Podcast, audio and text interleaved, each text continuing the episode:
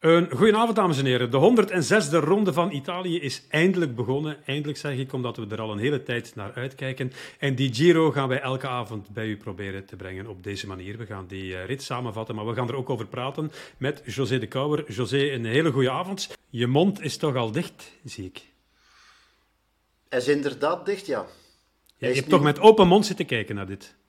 Ik heb met open mond zitten kijken. Spijtig van de tussentijden die niet altijd uh, snel kwamen of zo. Het had beter gekund, maar uh, ja, de tijdrit op zichzelf zelf niet. Dat was om uh, duimen en vingers vanaf te leggen.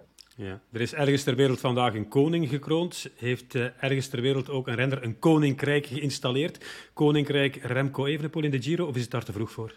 Koninkrijk tijdrijden misschien. Uh, dat zou inderdaad kunnen, want de rest moeten nog heel veel etappes komen. Uh, misschien is deze kroon wel minder zwaar te dragen dan diegene van uh, Gens Achter.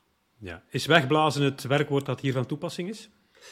Ja, ja op zijn Remco's een beetje. Nee. Je denkt dat het kan, je bent er niet van overtuigd of het gaat lukken. Maar het lukt, hè. Ja, als, je hem, als je hem ook op die tijdritfiets ziet zitten, mm-hmm. ja, men spreekt altijd als gegoten op een fiets zitten. Ja, dit is gegoten op, op een fiets.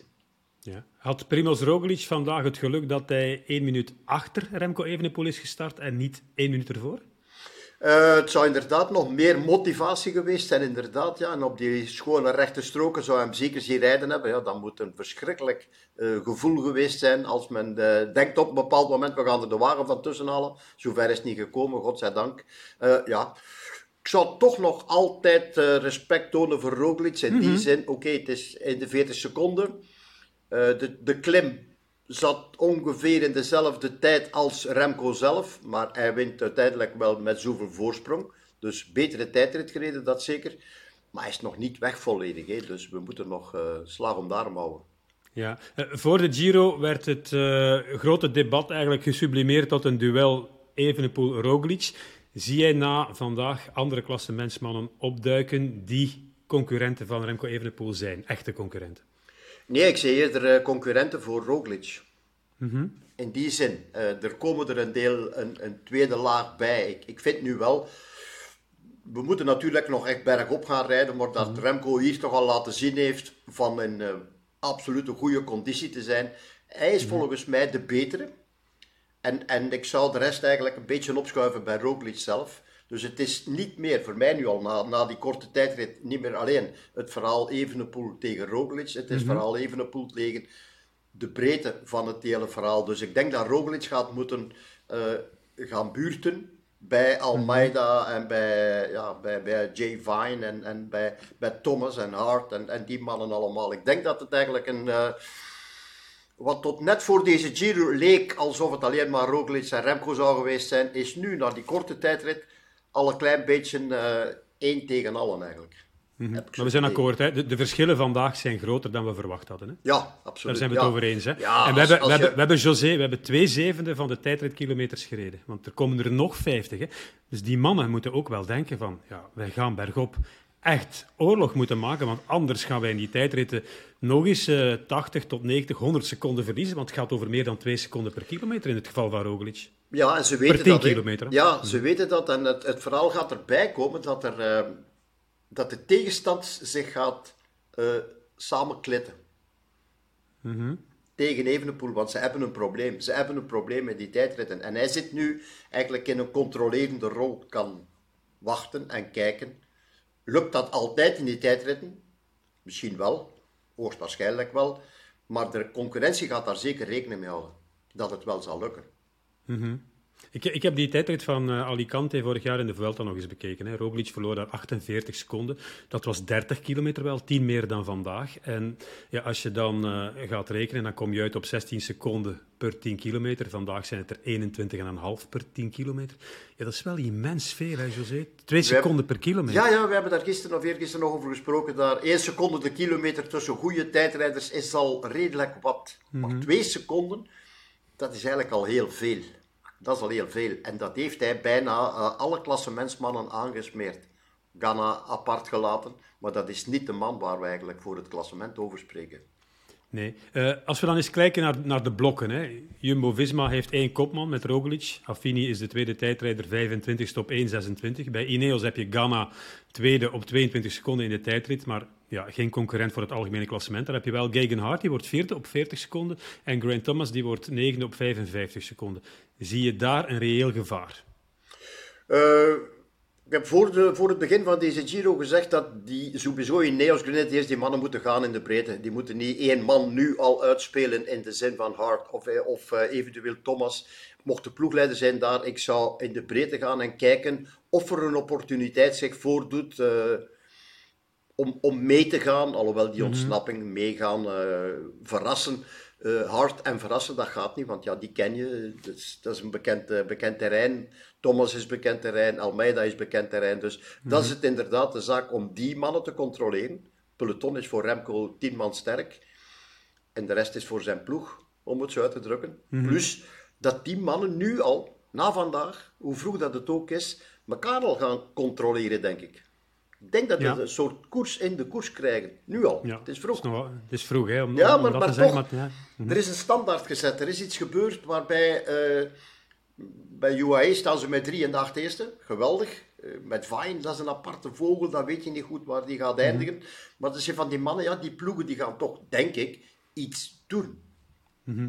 Die gaan toch proberen. Ja, daar hebben ze nu Al Almeida, Vine en uh, McNulty bij die, bij die acht eerste, zoals je zegt. Um, aan de andere kant, Evenepoel heeft nu die roze trui. Hè, en Jullie hadden ook vooraf in de voorbeschouwing naar de, naar de Giro gezegd van misschien is het een goede zaak als hij die roze trui niet pakt. Maar enfin, je kan hem niet laten liggen en je moet zoveel mogelijk concurrenten wegslaan in zo'n openingstijd. Dat heeft hij gedaan. Maar nu is de vraag, je bent ploegleider bij, uh, bij Evenepoel. Wat is de tactische aanpak? Wie ga je controleren, wie niet? Uh, die mannen waar we er net over gesproken hebben. Mhm. En uh, en de rest gewoon de koers laten rijden. Uh, elke team, elk team wil, wel, wil toch wel een etappe winnen. Dat begint morgen al met de sprintersploegen. Dus die gaan, de, die gaan sowieso de koers controleren. Zondags heb je niets meer geaccidenteerd terrein. Ook daar zijn weer toch ploegen bij met een Matthews en anderen die denken, oh, die kunnen die laatste klimmetjes wel overleven. En dan sta je al, Lago Lecciano door, ja, dan sta je daar al. En dat is mhm. dan weer een andere aankomst. Dus ik denk voorlopig de eerste twee, drie dagen gaat de ploeg niet te veel moeten doen, denk ik. Nee, dus het motto is vluchters niet controleren, rechtstreekse concurrenten wel. Rechtstreekse concurrenten wel. En, en om, om nu echt, zoals ik net al zei, aan de kant te gaan staan en zeggen we moeten die trui niet hebben. Nee, hè, je, je, hebt die trui nu, je, je gaat die mhm. verdedigen zonder veel geld uit te geven. Ja, en in deze conditie kan het uurtje minder rust s'avonds eigenlijk uh, weinig of geen kwaad als je onmiddellijk aan die recuperatie denkt. Ja, je moet rekenen, hij heeft, uh, heeft mede daardoor toch dragen van die roze trui, geeft hem toch nog eens een boost en een moraal. Ik denk dat het beter is dat je die roze trui draagt en dat mm uurtje erbij moet nemen, dan dat je 45 seconden aan je, aan je oren gekregen hebt. En je mag dan nog een uur meer rusten. Volgens mij kan je dan alleen maar een uur meer pikkeren. Mm Goed, José. We gaan straks nog eens vooruitblikken op de rit van morgen. Maar nu gaan we eerst eens luisteren naar een aantal interviews. Want Renald Schotten is onze man in de Giro. En die heeft zijn hartje kunnen ophalen natuurlijk. Hè, met uh, een roze trui. De eerste Belgische roze trui in 22 jaar. Remco Evenepoel, nu ook de opvolger van Rick Verbrugge. Super content. Uh, het was het doel om gewoon zo rap mogelijk te gaan. En uh, ja, iedereen geklopt. Dat is, dat is heel mooi en een super, super start voor ons. De naakte cijfers. 22 seconden op Ganna, 43 op Roglic. Ja, dat is heel veel. Uh, meer dan verwacht. We hadden gezegd voor de rit op de klassementsmannen. 15 seconden zou een heel mooi resultaat zijn op deze tijdrit. Maar uh, ja, ik had, uh, ik had een goede dag. ik zat meteen in het goede ritme. Ik was heel gefocust en heel, ja, heel hoe moet ik het zeggen, in de flow. Dus super start. Het gevaar bestaat nu dat je die roze trui van start tot finish zal kunnen en mogen verdedigen.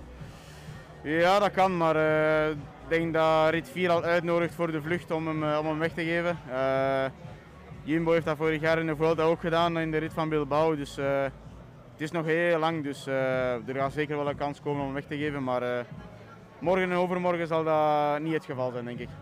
Die tussentijden, die kreeg je door? Ja, ik wist meteen dat ik op iedereen 20 seconden voor zat. na 10 kilometer en dan heb ik kunnen volhouden, dus ja, supergoed. Um, gewoon uh, snel, allee, snel gestart, niet. Gewoon direct een tempo gehouden en dat tempo tot de finish volgehouden.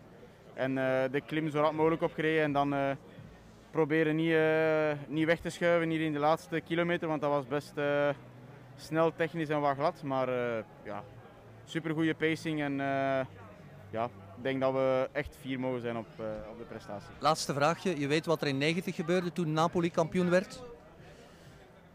Nee. Gianni Bugno van start tot finish in Troze in de Ronde van Italië. Oh, uh, ja. Maar ja, als zoiets waarom niet, maar uh, het is nog heel ver en ze zeggen dat alle wegen leiden tot Rome, maar er moet nog veel wegen genomen worden. Ja, Evenepoel heeft die roze trui dus te pakken. We kijken al een uh, dagje vooruit en dan gaan we naar een rit van 202 kilometer. Een rit van Teramo naar San Salvo. Uh, een van de weinige sprintersetappes, denk ik dan, hè, José de Kouwer? Ja, ja, en dat komt goed uit. Hè.